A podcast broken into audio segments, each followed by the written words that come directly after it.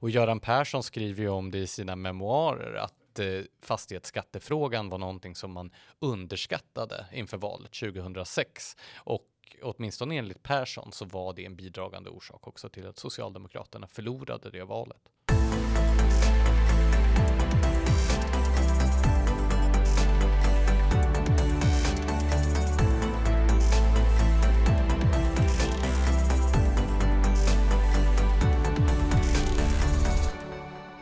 Lars-Anders Johansson är Gävlepunkaren som blir frihetlig trubadur, journalist och debattör. Han har varit reporter på SVT och TV4, ledarskribent på Östgötakåren och chefredaktör för Timbros nättidskrift Smedjan. Han har också skrivit böcker om kulturpolitik och nu senast om bostadspolitik, villaboendets idéer för villaägarna. Varmt välkommen till Uppskattat Lars-Anders. Tack så hemskt mycket. Eh, och tack så mycket för en tankeväckande och intressant bok du har skrivit. Eh, som du har skrivit för Villägarna, eller hur? Ja, det stämmer. Kul. Jag tänkte att vi ska prata lite om boken först och lite om, om eh, tankar kring bostadsbyggande och inte minst villaliv för att sen prata lite mer om vad som kanske är min kärnkompetens, det vill säga eh, fastighetsskatten och inte minst din. Eh, du börjar med en historisk exposé över de senaste lite drygt hundra åren och eh, om, om, hur bostadssynen på bostäder har utvecklats i Sverige.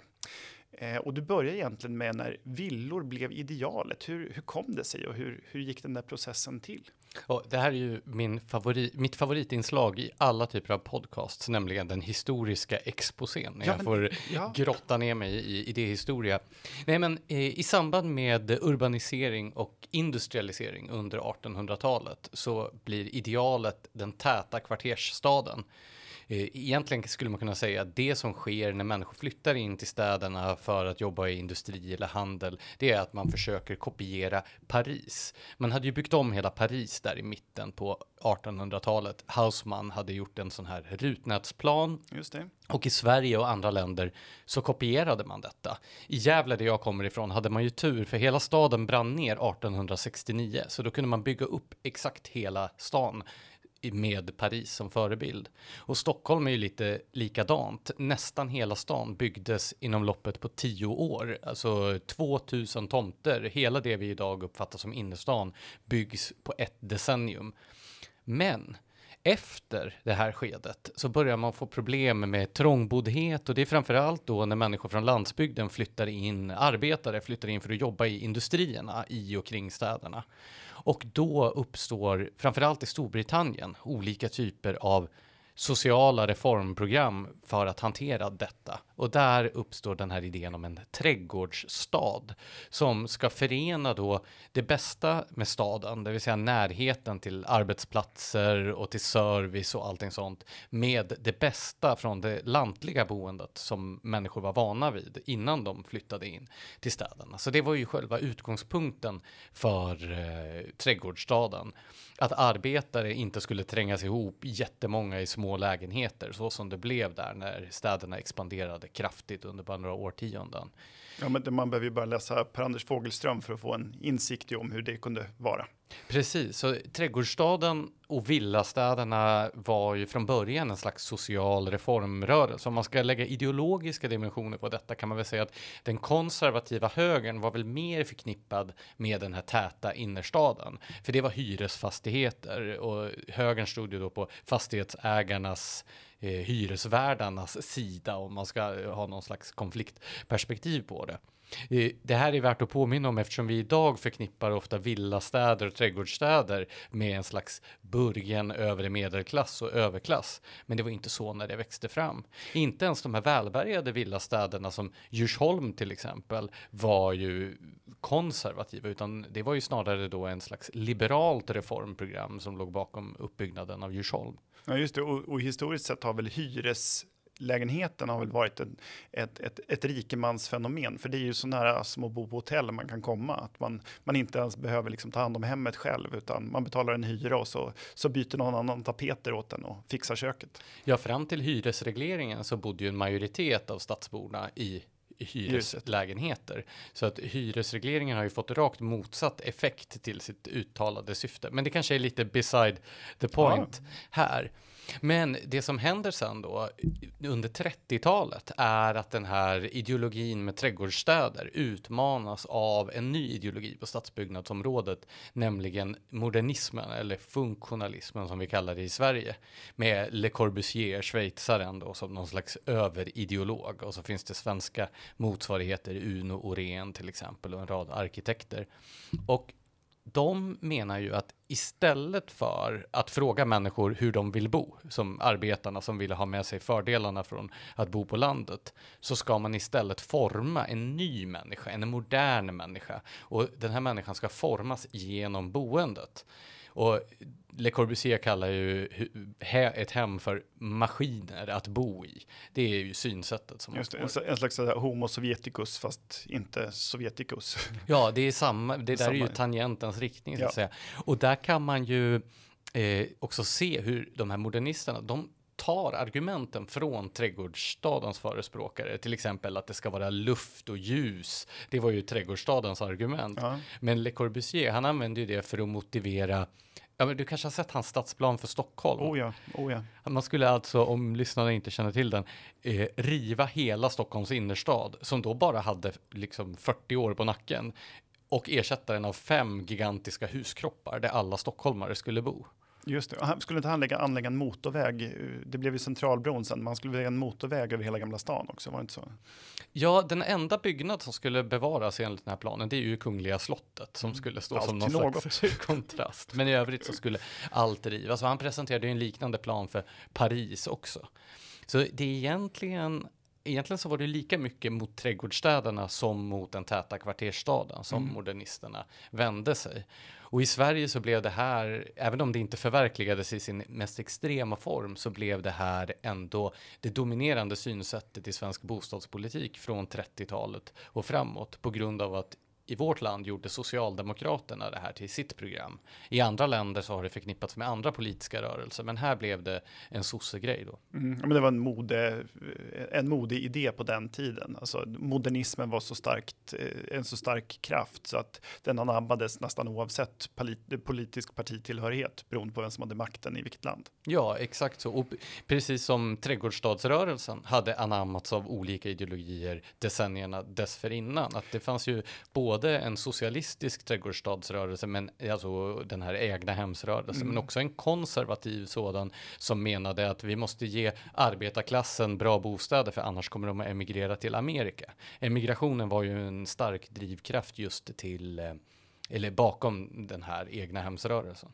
Ja, och innan vi går vidare, där, för jag tycker att det var intressant, så, så, skriver du i boken om Arts and Crafts-rörelsens betydelse som ju börjar i Storbritannien som du nämnde tidigare. Kan du inte säga någonting kort om den också? Ja, det finns starka kopplingar mellan eh, The Garden City Movement med Ebenezer Howard och eh, Raymond Unwin som var de två ledande gestalterna och den här arts and crafts-rörelsen där jag tror de flesta svenskar känner framför allt till William Morris, han mm. bakom Tapeterna. tapetmönstren. Mm.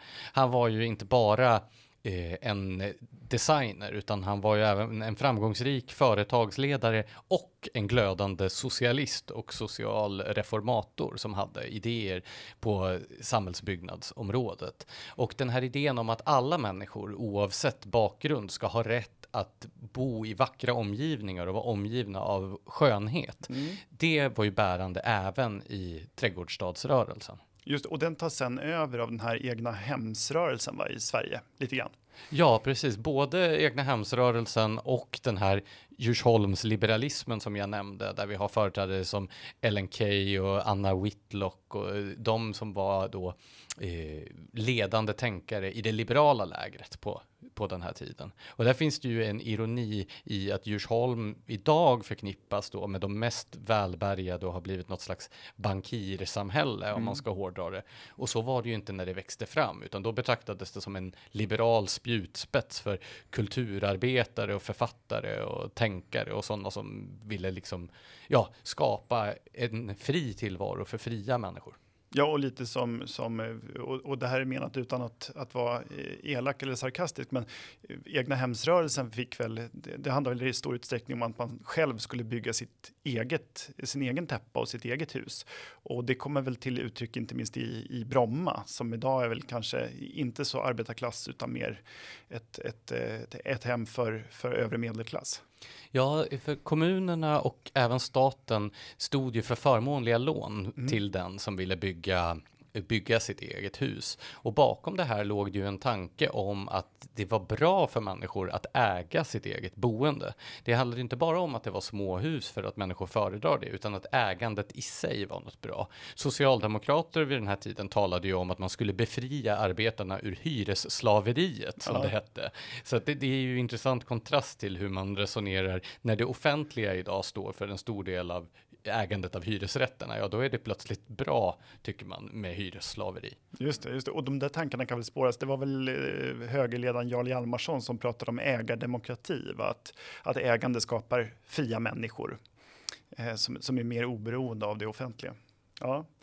Eh, men idag så har vi en, en, en tydlig höger-vänster-konflikt i den här frågan om småhus å ena sidan och flerfamiljshus och, och andra.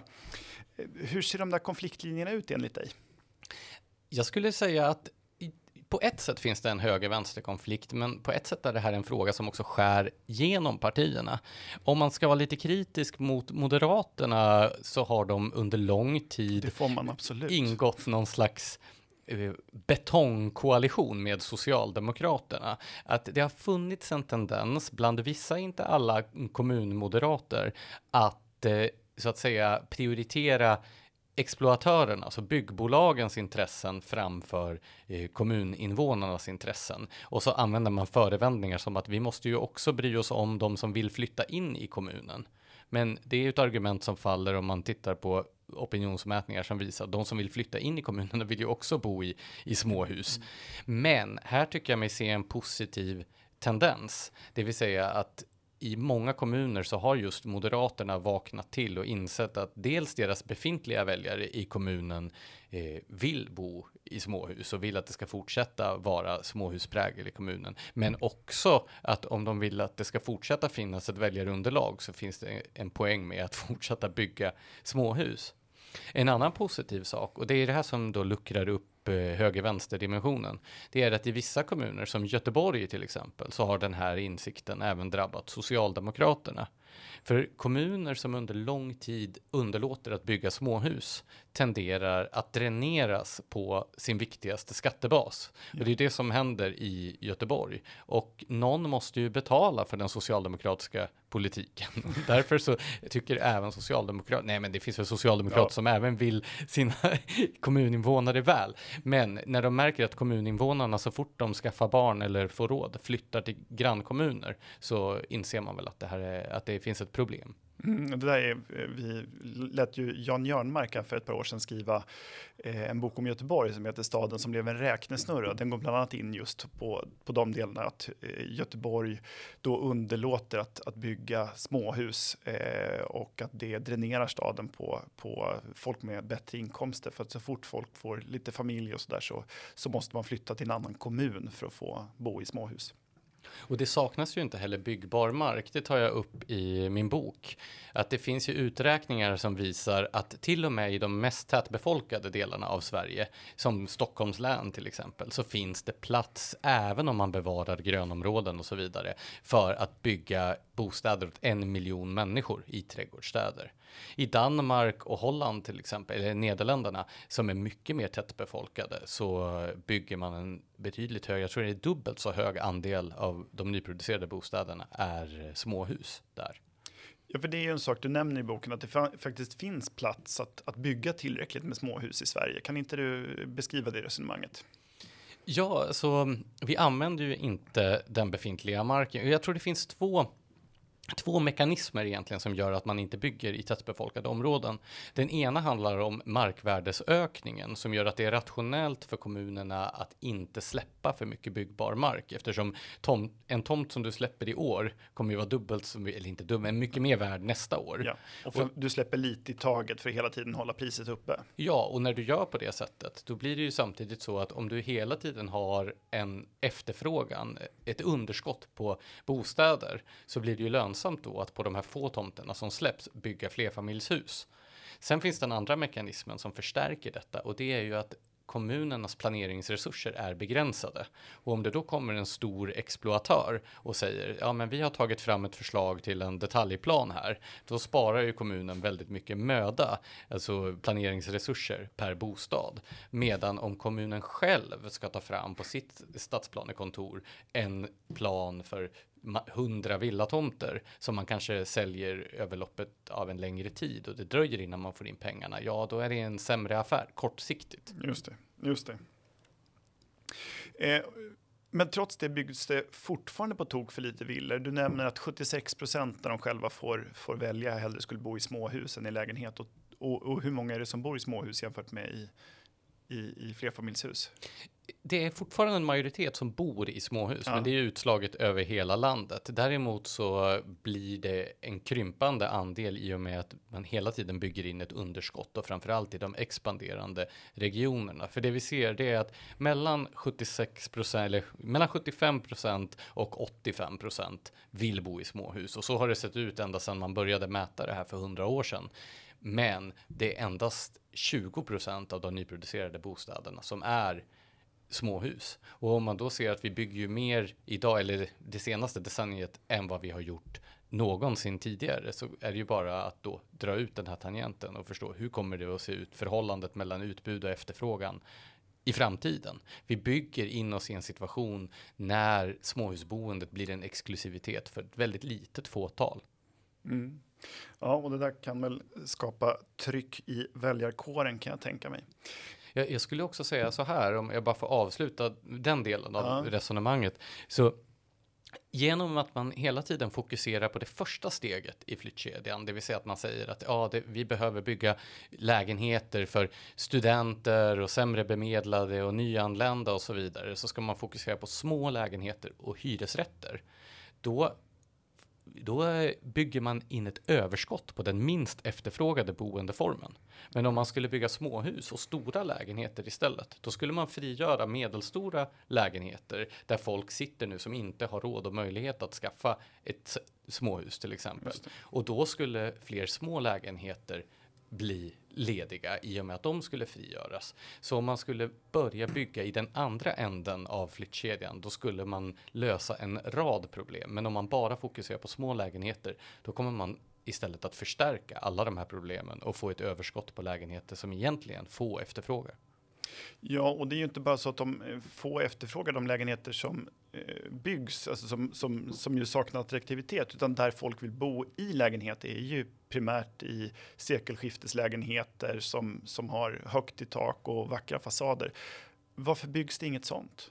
Så det börjar ju ske en förändring där också. Jag har ju varit engagerad i arkitekturdebatten ganska länge mm. och skulle säga att det är ungefär samma mekanismer som gäller där. Att ja, ungefär tre fjärdedelar eller fyra femtedelar vill bo i byggnader med traditionell arkitektur.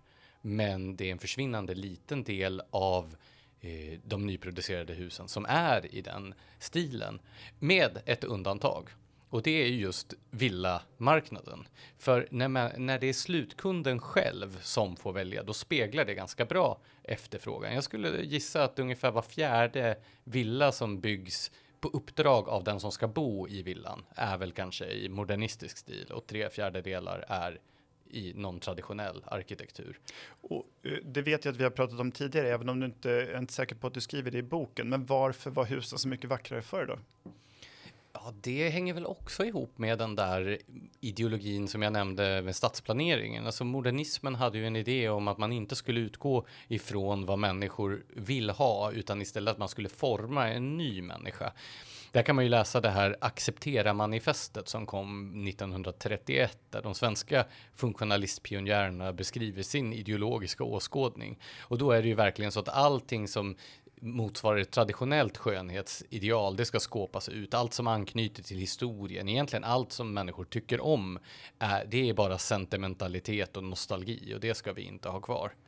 Och sen kan man ju konstatera att det gick ju sådär, sen när man förverkligade de här. Till och med eh, Walter Gahn, en av författarna till det här manifestet, konstaterar i ett förord till nyutgåvan 1989 att så här, med facit i hand så kanske det inte var en så bra idé trots allt. Det blev aldrig någon, någon skön ny värld för dem.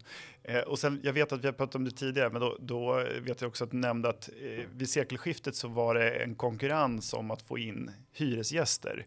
Eh, och eh, med, med, under modernismen så var det tvärtom så att det fanns väldigt många som ville flytta in och, och då kunde man heller inte välja. Konkurrerar man om hyresgäster så bygger man det som efterfrågas. Medan om det finns ett stort underskott på bostäder så tar man vad, vad man får. Så att eh, byggherrarna fick helt enkelt anstränga sig för att bygga vackra, attraktiva hus med, med de ideal som människor hade, för att annars fick man inga hyresgäster. Ja, det är ju just där. Man byggde nästan hela stenstaden i Stockholm på tio år och då byggde man ju fruktansvärt mycket. Så då var alla tvungna att konkurrera om inflyttarna ja. där. Och det gäller ju egentligen samma sak med detta med småhus kontra eh, flerfamiljshus. Att nu när det finns ett underskott som är politiskt skapat, ja, men då kommer människor att flytta in i bostäder oavsett vad det är för typ av bostäder, oavsett hur de ser ut. Skulle det däremot släppas ut eh, extra mycket villatomter till exempel så att priserna på dessa pressades ner. Ja, men då skulle inte människor vara beredda att flytta in i hur fula lägenhetshus som helst, för då skulle det bli köparens marknad och inte säljarens. Just det, det låter ungefär som samma mekanismer. Skälet till att folk i Östtyskland eh, valde Trabant var inte för att det var det de önskade sig helst, utan för att de helt enkelt inte hade tillgång till BMW. Ja, jo, men det är ju en motsvarighet till den här mekanismen. Ja. Men jag tror ju också att vi kommer att se att fler kommuner kommer att inse att de behöver konkurrera om invånarna eh, med att erbjuda den boendeform som efterfrågas. Vi såg ju redan innan pandemin hur Stockholm för första gången på hur länge som helst hade en nettoutflyttning och de som flyttar ut, det är ju då barnfamiljer och människor i den mest produktiva åldern. Som, och det kan man ju då fundera över, vad gör det med, med produktiviteten i ett samhälle? Om arbetskraften ägnar många timmar åt att pendla varje dag till exempel för att få bo på det sätt som de vill. Och vad gör det för tillväxten i en region som Stockholm om de mest produktiva människorna flyttar ut? Samhällsekonomiskt låter ju inte det där så klokt. Så du menar att man konkurrerar med, med vettiga bostäder är en bättre idé kanske än att göra vassa ljudprofiler som Malmö eller ha som samma stad då en skate-samordnare och en e-sportsamordnare. Du tror att, att hus kan vara en, en, en, större, ha större dragkraft än det? Det är en hypotes värd att testa i alla fall. Vi får se om Malmö, Malmö kan testa det någon gång. Jag, jag är inte helt säker. Eh, om vi går över, din bok handlar ju mycket om, om hur, hur eh, bostadsmarknaden har förändrats och inte minst eh, politiskt och, och ideologiskt. Eh, och en hel del handlar ju då om om eh, fastighetsskatten som ju är någonting som jag är alldeles särskilt intresserad av och säkert våra lyssnare också. Eh, och då i samband med att man skiftar fokus då från eh, egna hemsrörelsen då från, från socialdemokratiskt håll som då var den stora hegemonen i svensk politik eh, med fokus på fler lägenheter och då framförallt hyresrätter så utvecklas också fastighetsskatten. Kan du i grova drag beskriva hur det där skiftet går till? Ja, alltså Fastighetsbeskattningen var ju kommunal från början och var då tänkt att eh, vara en slags grundplåt för den kommunala verksamheten. För inkomstskatterna drog inte in lika mycket på den tiden eh, till kommunen. Alltså att det var att, att försörja kommunal verksamhet var det ursprungliga syftet och då fanns ju den här idén om att eh, fastigheterna flyttar ju inte, så det skulle vara liksom en man kallade det för en garantibeskattning och då var det ju en garanti för kommunen att den skulle få in ett slags lägsta belopp. Men under 1900-talets gång så har det ju skett en förskjutning åt det fördelningspolitiska hållet. Att eh, man istället ska, det talades ganska tidigt på 50-talet under de här skattereformerna om att man skulle jämna ut skillnaderna mellan olika boendeformer, alltså mellan hyresgäster och Eh, de som då ägde sina egna hus. Det här är ju en återkommande diskussion i just fastighetsskattedebatten. Eh, och sen så har det ju också blivit detta med att eh, när taxeringsvärdena har ökat så har man ju också betraktat det här som ett bra sätt att dra in pengar till statskassan när fastighetsskatten sen då blev, blev statlig. Just det, just det. Och fastighetsskatten eh, stiger och framförallt så stiger den ju som, som eh, utgift för då de som bor i områden som, som taxeras högt. Eh, och det här resulterar ju i en eh, kraftig motrörelse som, som någonstans får sitt crescendo då strax efter millennieskiftet. Då eh, jag faktiskt också, även då jobbade på Skattebetalarnas förening, jag var borta några år, men då jobbade jag med kommunikation på Skattebetalarna. Eh, och då slog vi oss samman med, med Eh, villaägarna och startade den så kallade 22 augusti-rörelsen. Eh, kan du beskriva lite hur, hur tankarna gick där? Ja, så vi får ju rulla bandet tillbaka lite längre än så, för anledningen till att villaägarrörelsen uppstår från början på 50-talet är ju just på grund av fastighetsbeskattningen. Då skulle man göra en stor skattereform, jag tror det var 1952 eller, eller något sånt där. Mm. Så, och villaägarna inser att ja, det var en jurist ute i Saltsjöbo som hette Hampus Bodén, som, eller Saltsjöduvna, som ville ha kontakt med någon organisation som företrädde landets småhusägare och sen upptäckte han att det fanns ingen sådan så då beslöt han att grunda en sån. Så det var ju då eh, skatte, villabeskattningen som var upprinnelsen till det här. Men eh, sen när man eh, förstatligade fastighetsskatten på 70-talet, mm, om, om jag inte missminner mig, så blev det ju en enorm ökning av skattebördan för merparten av landets småhusägare och den här frågan får, får ny aktualitet. Och sen så blir det ju höjningar successivt under 80-talet också. Den här eh, fastighetsskatten som kommer under 80-talet har ju beskrivits som Sveriges mest hatade skatt och det är ju det intrycket man får också. Jag var ju inte själv med i 22 augusti-rörelsen, men jag har ju läst mycket om den och sett bilder och sådär. Det var 15 000 personer som demonstrerade i Kung Kungsträdgården. Oh ja. I de här demonstrationerna som arrangerades av just Skattebetalarnas förening och eh, Villaägarnas eh, riksförbund. riksförbund. Eller hette det Villaägarna då?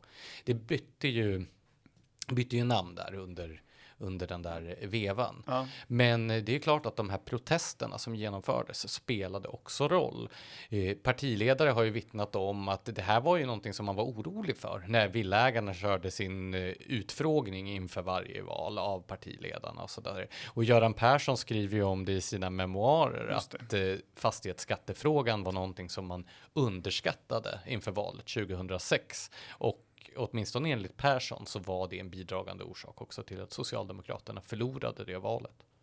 Ja, jag minns ju, det var, en, eh, det var en enorm sprängkraft i frågan och folk var eh, eh, jag, jag är starkt engagerad i skattefrågan och, vill, och, och arbetar ju hela tiden för sänkta skatter. Men det finns få frågor som väcker sån ilska och avsky som just fastighetsskatten, just därför att den inte är kopplad till till likviditet, alltså till pengar du har, utan du ska beskattas för, för ett fiktivt värde på en försäljning du ännu inte har gjort.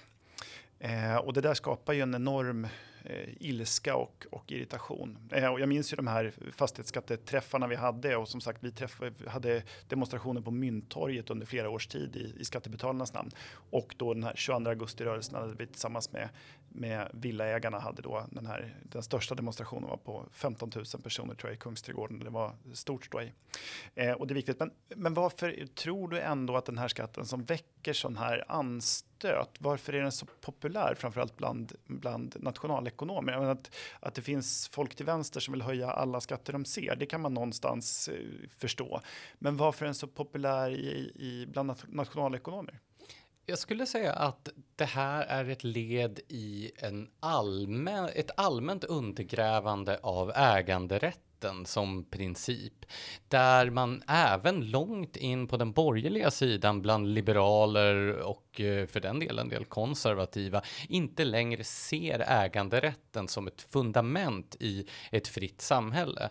Och eh, där kommer väl också de här nationalekonomerna som du nämner in som har en kanske teknokratisk grundsyn där man betraktar människor snarare som medel i ett, eller som kuggar i ett samhällsmaskineri än som mål i sig själv. Att man ser det som att människor finns för samhällets skull och samhället ska fungera effektivt snarare än att samhället finns där för att tillgodose medborgarnas önskemål.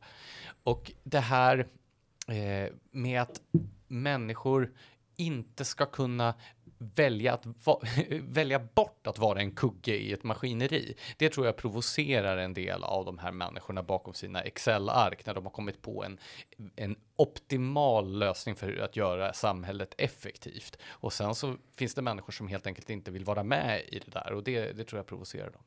Jag tycker att det bästa exemplet är när man hör människor som argumenterar för att man ska få igång så kallade flyttkedjor. Och det har jag ingenting emot att vi får igång flyttkedjor om, om människor vill flytta. Men deras tanke är ju att man ska skapa flyttkedjor genom att ha så höga skatter så att ensamstående i en villa eller, eh, eller för all del ett par där barnen har flyttat ut, att de inte ska ha råd att bo kvar i sitt hus och på så sätt skapa utrymme för de här flyttkedjorna. Och det är ett, ett, tycker jag, ett sätt att se på, på medborgarna som är ganska, ganska avskyvärt. Ja, det, det finns en cynism i detta och det är ju för att effektiviteten är överordnad människors önskemål. Att, ja, men som änkan till exempel som bor kvar i sitt stora hus eller stora lägenhet. Det är ju ett ineffektivt boende anser ju då den som mm. har räknat på det och därför så ska man genom att beskatta den här änkan så hårt som möjligt få henne att flytta till ett mer effektivt boende så att kanske någon nationalekonom kan flytta in i den här villan istället.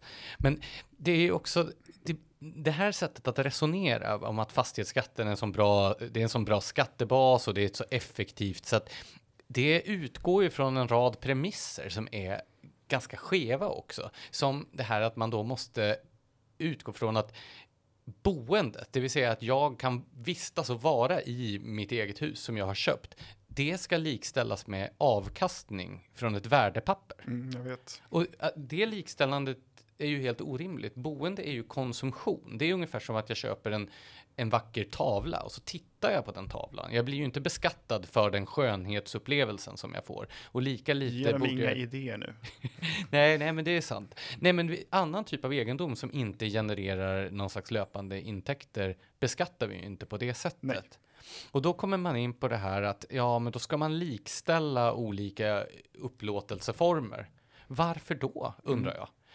En gång i världen så ansåg ju både socialdemokrater och liberaler och konservativa att ägande var av godo, att, att man skulle uppmuntra ägande och försöka få människor att bo i egna hus, fast av olika ideologiska mm. argument. Mm. Men att det var någonting positivt. Men nu så är det istället en utgångspunkt, ett axiom att man ska likställa olika upplåtelseformer. Och trots det, när man tillfrågar människor hur de vill bo, så är det en försvinnande liten grupp som faktiskt helst vill bo i hyresrätt. Och då frågar jag mig, Ja, men borde man inte då sträva efter att driva en politik som underlättade för fler att bo i ett eget ägt boende, oavsett om det är lägenhet eller hus? Mm. Det finns ju en väldigt eh, svag folklig förankring för den här, eh, för den här typen av resonemang. Eh, och dessutom är ju som du säger många av dem väldigt bakvända. Alltså, eh, det är ju ingen som har fått för sig att vi ska ha en bilbeskattning som baseras på att det är liksom billigare att äga en bil än att tillfälligt hyra en till exempel. Ger de inga idéer? Nej, och, och, och, på samma sätt så är det ju otroligt, ett otroligt ineffektivt utnyttjande av sängar som bara används så åtta timmar om dygnet. Det vore ju bättre att vi delade på dem i så fall. Eh, ja, det, det där effektivitetsargumentet är ju också lite udda i och med att effektivitet är ju någonting som har en riktning, ett mål. Mm. Men om man uppger att effektiviteten är målet i sig, då känns det som att man duckar frågan om vad som egentligen är målet. Om mm. målet är att vi ska ha ett fritt samhälle där människor i möjligaste mån får förverkliga sina drömmar och önskemål, ja, men då är ju det här med fastighetsbeskattning ett väldigt ineffektivt sätt att beskatta bostäder. Exakt. Och, och, och man gör människan till ett medel och inte ett mål. Och det tycker jag är, är farligt. Eh, men eh, vi har ju tittat på tillsammans med Villaägarna, och du hänvisar till en rapport av Nima Sanandaji i din bok, eh, som också visar att eh, fastighetsskatt skulle motverka energibesparingar. Kan du inte återge några av de resonemangen? Ja, det finns ju många negativa bieffekter av den här. Om man skulle återinföra den gamla fastighetsskatten så som det har föreslagits nu från en lång rad olika håll. Stockholms handelskammare har varit ute, Timbro har varit ute, eh, Dagens Industri. Alltså det kommer från oh ja. mycket oh ja. oväntade håll. Eh, Förlåt, och bara ett, ett instick där. Jag tror att det beror på att många har fastnat i den här föreställningen om att eftersom att det inte går att sänka skattetrycket och då måste man byta skatter mot varandra. Alltså man måste skatteväxla sig fram. Ska man sänka skatten på inkomster så måste man höja någon annan skatt. Men så har det ju aldrig gått till när man har höjt skatter de har ju höjts alldeles oavsett. Det är inte så att man har sänkt andra skatter när, när arbetsgivaravgiften gick från 0 kronor på 60-talet till dagens 30 procent. Det är ju ingen annan skatt som har sänkts i motsvarande mån, utan man har ju ständigt höjt skattetrycket. Det där är ju en fälla man luras in i av, av de som för, förespråkar hög skatt. Och det som är intressant apropå detta med nollsummespel, det är ju att den här eh, fastighetsavgiften som infördes 2007 för att ersätta den gamla fastighetsskatten. Ja. Den har ju i absoluta tal dragit in mer till offentlig sektor än vad den gamla fastighetsskatten gjorde oh ja. innan den infördes. Men om man skulle införa den gamla idag så med dagens mycket, mycket högre taxeringsvärden så skulle det bli en enorm skattesmäll för många av landets småhusägare. Oh ja, oh ja. Och sen ska man inte glömma att man höjde reavinstskatten vid bostadsförsäljningar eh, som ju också har dragit in betydande belopp till statskassan. Så det är ju inte så att, att det offentliga har gått miste om en massa pengar eh, för att man då bytte system, utan tvärtom kompenserades ju det med en fastighetsavgift och med minskade ränteavdrag va? och, och en, en eh, Eh, och en eh, vad heter det, högre revinstskatt. Men revinstbeskattningen eh, vill de ju i rättvisans namn då sänka ja. för att kompensera för detta. Och det är ju för att få igång de här flyttkedjorna då ja, som tydligen ja. är, ett, är ett självändamål. Men nu glömde jag frågan som jag höll på att besvara. Jo, när vi pratade om, om att en fastighetsskatt också skulle motverka eh, investeringar då som minskar energiåtgång i bostäder. Ja, eftersom eh, då skulle småhusägare vara tvungna att lägga en betydande del av sin privatekonomi årligen på att betala den här löpande bostadsbeskattningen. Eh, delar av privatekonomin som idag går till återinvesteringar i fastigheten, till exempel i treglasfönster, luftvärmepump värmepump, bergvärme, solceller, olika typer av energibesparande åtgärder som gör att småhusboende blir miljövänligare och det är ju också idag en i många avseenden miljövänligare boendeform än eh, flerfamiljshus. Inte minst när det gäller nybyggda hus eftersom småhus byggs ju oftast i trä medan flerfamiljshusen oftast massproduceras i prefabricerad betong som ju är otroligt Som vi snart inte har längre. Nej, det också. Nej, men så att det, det är ju många sådana här investeringar som man kanske inte tänker på, men mm. som den enskilde småhusägaren står för som skulle gå om intet om man till exempel skulle få betala 50 000 per år eller vad det nu blir i, i fastighetsbeskattning. Nej. Nej, och det finns ju många, eh, det finns många tunga argument och vi kommer säkert glömma eh, flera av dem. Men en sån sak som jag ofta tycker lyser med sin frånvaro är ju också att den som investerar i sin egen fastighet gör det med redan beskattade pengar medan en hyresvärd kan dra av den typen av kostnader. Ja, precis. Och alltså i hyran så ingår ju också hyresvärdens räntekostnader ja. för att ha köpt fastigheten. Så det är ju det är väldigt konstigt om jag bor i mitt eget hus så är boendet konsumtion. Om eh, jag hyr, då, har jag ju, då köper jag ju en tjänst ja. av hyresvärden. Jag slipper ju göra den där typen av investeringar. Ja, och som när du hyr en bil. Ja, att, ja, nej, det... Men det mest obehagliga, det tycker jag ändå är just den här aspekten att det ska bara vara människor med höga inkomster som ska ha råd att bo kvar i hus där taxeringsvärdet ökar. Jag tog exemplet med den här änkan, men det kan ju också vara så att du köper ett hus i ett sommarstugeområde som sen plötsligt blir väldigt populärt och så börjar folk bygga stora villor runt omkring och kommunen investerar i infrastruktur och så vidare så ökar fastighetsvärdet och, eh, och så har du inte råd att bo kvar för du har inte råd att betala skatten. Nej. Eller att du till exempel, du har ett högavlönat jobb, du jobbar 24-7 för att du vill skaffa dig ditt drömboende. Och sen är planen att när du flyttar in i det här huset som du äntligen har råd med, vill du gå ner i arbetstid, du vill kanske ha ett lite mindre krävande och lägre avlönat jobb och kunna njuta av det här boendet som du har kämpat i decennier för att ha råd med. Men nej, då ska du inte ha råd med det, för du måste fortsätta ha en hög inkomst för att ha råd att betala skatten. Folk ska jobba, inte bo helt enkelt, man får parafrasera en gammal finansminister. Ja, man ska aldrig, man ska inte kunna vara i huset, man ska vara på jobbet hela tiden ja. för att få ha ett. Är det, är det Gud i brallans gamla proggklassiker, är du lönsam lille vän? Ja, det är den där målningen också, ja, klassrummet. Precis, är du lönsam lille vän? Eh, eh, nej men det som sagt, det finns, finns eh, många goda argument och jag tycker också att när man diskuterar det här med fastighetsskatteförespråkare så kan de tänka sig då undantag av typen eh, att man ska betala skatt på eh, inköpsvärdet och inte på taxeringsvärdet. Men då får man ju också andra typer av problem. Nämligen att då kommer ju två identiska hus att beskattas helt olika. Även om de ser likadana ut så kommer de beskattas olika bara beroende på när du köpte huset och det är inte heller särskilt rättvist.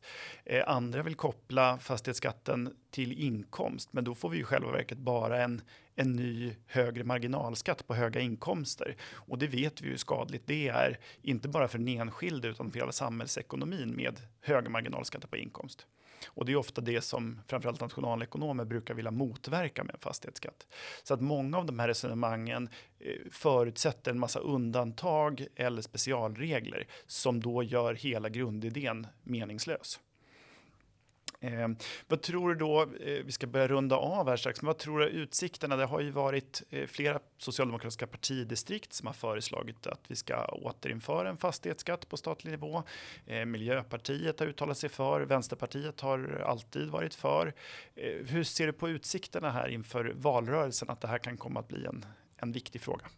Så Socialdemokraterna är ju nere i någon slags ideologiskt spagat här när deras kärnväljare deras kärnväljare vill ju inte ha den här typen av beskattning samtidigt som partiet ju måste tillgodose kraven från vänsterfalangen i partiet som ju är starkare än vad den har varit på mycket länge. Eh, och även då Vänsterpartiet har ju spänt musklerna lite grann, vilket ju också sätter krav på socialdemokratin. Så där finns det väl vissa orosmoln vid horisonten. Och samtidigt så har ju den så kallade breda mitten försvunnit helt och hållet ur svensk politik, vilket jag i och för sig är osäker på vad det innebär för fastighetsskattefrågan mm. med tanke på att det här är typiskt en sån fråga där teknokrater kan då shanghaja mittenpositionen.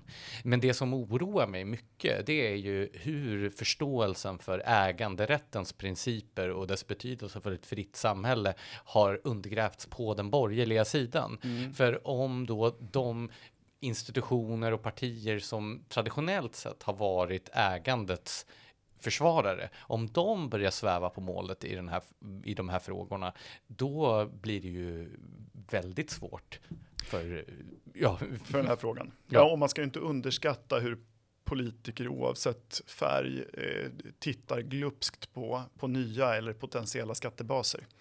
Eh, det, det, är ju någonting som eh, alla, kan ska, alla vill se ett, ett större reformutrymme framför sig och, och, stabila skattebaser är någonting som de flesta politiker tycker är, är mumma. Ja, och jag tror ju att det är dags för borgerligheten att göra upp med den här föreställningen som du tog upp, nämligen att det skulle vara ett nollsummespel alltid när det kommer till skattesänkningar, ja. men inte när det kommer till skattehöjningar. Man kan faktiskt sänka eller ta bort en skatt utan att behöva, vad är det man säger, finansiera skattesänkningen. Ja. Nej, det är konstigt. Just finansiering av skattesänkningar ska alltid, eh, eller när man ska finansiera någonting så ska det alltid finansieras via skatten. Men det är ingen som pratar om hur privatpersoner ska finansiera skattehöjningar som drabbar dem. Det är ett, ett mycket omvänt och märkligt perspektiv.